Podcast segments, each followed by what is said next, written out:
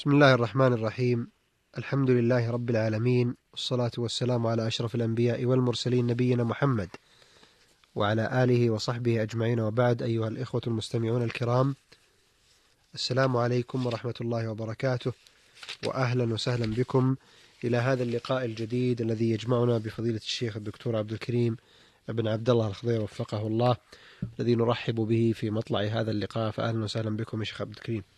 حياكم الله وبارك فيكم وفي الأخوة المستمعين.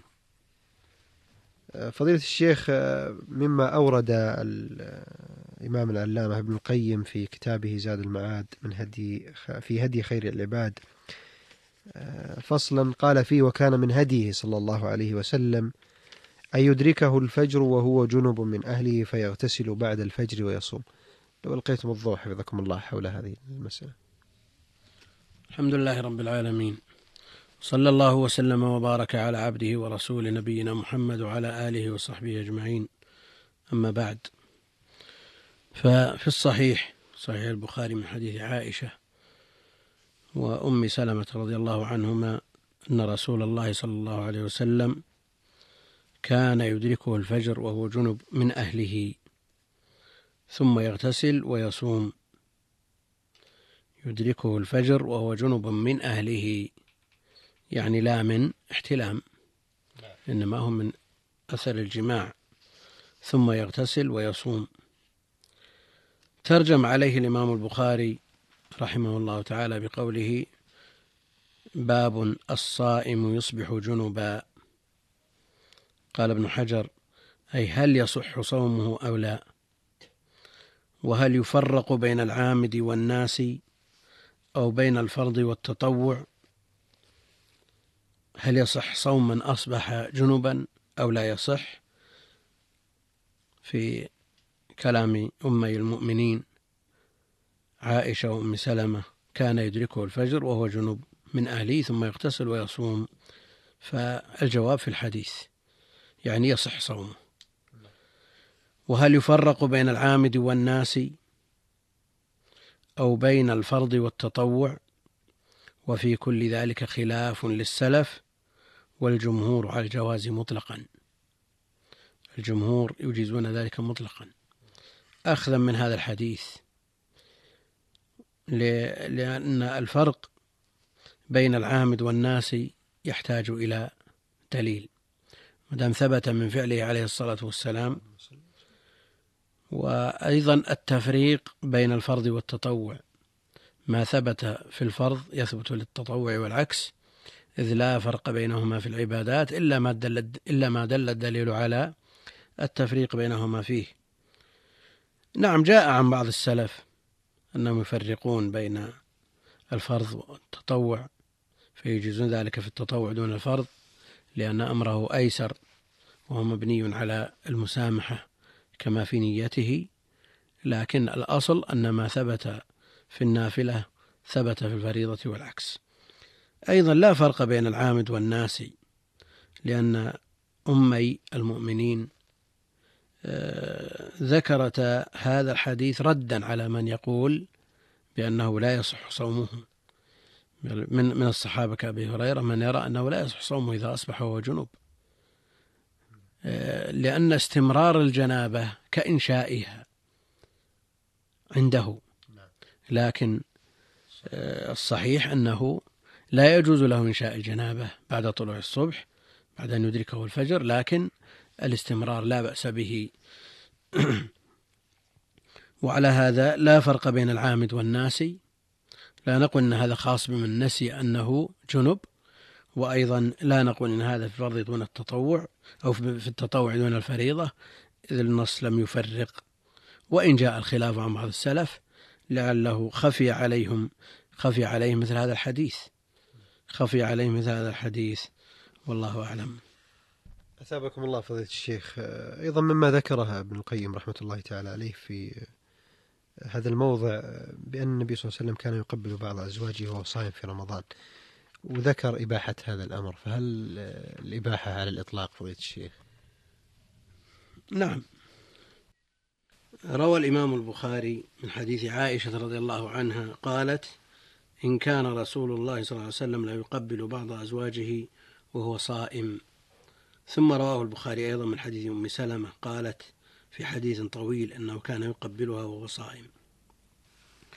قال المازري ينبغي أن يعتبر حال المقبل فإن أثارت منه القبلة الإنزال يعني بحسب ما نعم. تثيره نعم. القبلة. إن صارت سببا في محرم فتح. فهي حرام. إن صارت سببا في مكروه نعم فهي مكروه. سبب إن صارت سببا في مختلف فيه أورثت شبهة. كلام المازري رحمه الله تعالى في المعلم يقول ينبغي أن يعتبر حال المقبل فإن أثارت منه القبلة الإنزال حرمت عليه لأن الإنزال يمنع منه الصائم فكذلك ما أدى إليه. وإن كانت وإن كان عنها المذي فمن رأى القضاء منه قال يحرم في حقه ومن رأى أن لا قضاء قال يكره وإن لم تؤدي القبلة إلى شيء فلا معنى للمنع منها إلا على القول بسد الذريعة. إلا على القول بسد الذريعة. وشبه النبي عليه الصلاة والسلام قبلة الصائم بالمضمضة. أخرج أبو داود رضي الله عنه رحمه الله عن عمر رضي الله عنه قال هششت فقبلت وأنا صائم فقلت يا رسول الله ضعفت اليوم أو صنعت اليوم أمرا عظيما صنعت اليوم أمرا عظيما قبلت وأنا صائم قال أرأيت لو مضمضت من الماء وأنت صائم قال فقلت لا بأس به قال رسول الله صلى الله عليه وسلم فما خرج في أبي داود صححه ابن خزيمة وابن حبان والحاكم وإسناده صحيح. وللمازري أيضا كلام بديع حول هذا الحديث. يقول من بديع ما ورد في جواز ذلك يعني القبلة للصائم قوله صلى الله عليه وسلم لما سئل عن القبلة للصائم أرأيت لو تمضمضت؟ فأشار بذلك إلى فقه بديع وذلك أن المضمضة قد تقرر عندهم أنها لا تنقض الصوم لأنهم كانوا يتوضؤون وهم صيام والمضمضة أوائل الشرب ومفتاحه. أوائل الشرب ومفتاحه. كما أن القبلة من دواعي الجماع ومفتاحه. والشرب يفسد الصوم كما يفسده الجماع فكما ثبت عندهم. أن أوائل الشرب الذي هو المضمضة لا يفسد الصوم فكذلك أوائل الجماع الذي هو القبلة لا تفسد الصوم. يعني تنظير مطابق من النبي عليه الصلاة والسلام. ولذا شبه قبلة الصائم بالماء. هناك حديث آه، رواه أحمد بن ماجه أشار إليه ابن القيم رحمه الله عن ميمونة مولاة النبي عليه الصلاة والسلام قالت سئل النبي صلى الله عليه وسلم عن رجل قبل امرأته وهما صائمان فقال قد أفطر فلا يصح عن رسول الله صلى الله عليه وسلم يقول ابن القيم فيه أبو يزيد الظني رواه عن ميمونة وهي بنت سعد قال الدار قطني ليس بمعروف ولا يثبت هذا. وقال البخاري هذا لا أحدث به هذا حديث منكر وأبو يزيد رجل مجهول. يقول ابن القيم أيضا ولا يصح عنه صلى الله عليه وسلم التفريق بين الشاب والشيخ ولم يجئ من وجه يثبت. وأجود ما فيه حديث أبي داود عن نصر بن علي عن أبي أحمد الزبيري. قال حدثنا إسرائيل عن أبي العنبس عن الأغر عن أبي هريرة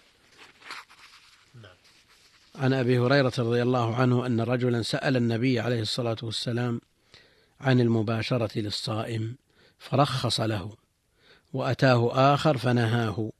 فإذا الذي رخص له شيخ وإذا وإذا الذي نهاه شاب.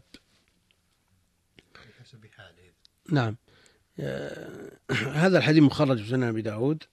لا وسنده لا بأس به إن شاء الله تعالى. إسرائيل يقول ابن القيم وإسرائيل وإن كان البخاري ومسلم قد قد احتج به وبقية الستة. فعلة هذا الحديث أن بينه وبين الأغر فيه أبا العنبس العدوي الكوفي واسمه الحارث بن عبيد سكتوا عنه. سكتوا عنه. إذا آه، فيه عن الأغر عن أبي هريرة. وابن القيم جعل علة الحديث أن بينه وبين أن بينه وبين الأغر فيه أبا العنبس العدوي. واسمه الحارث بن عبيد الحارث بن عبيد سكتوا عنه ومقتضى من ما سكت ما سكت عنه أهل العلم فلم يذكروا فيه جرحا ولا تعديلا أنه مستور يحتاج إلى أن يوثق. وعلى كل حال هذا الراوي آه، لم يذكر فيه جرح من قبل أهل العلم وقد وثقه ابن حبان. والقاعدة أنه إذا وثق ابن حبان ولم يعارض آه، أنه آه، يتوسط في أمره. لا يقال أنه من على درجات الصحيح ولا يحكم عليه بالضعف بل يتوسط في أمره فيقال حديث حسن. على كل حال هذه من باب تعليق الحكم بالمظنة.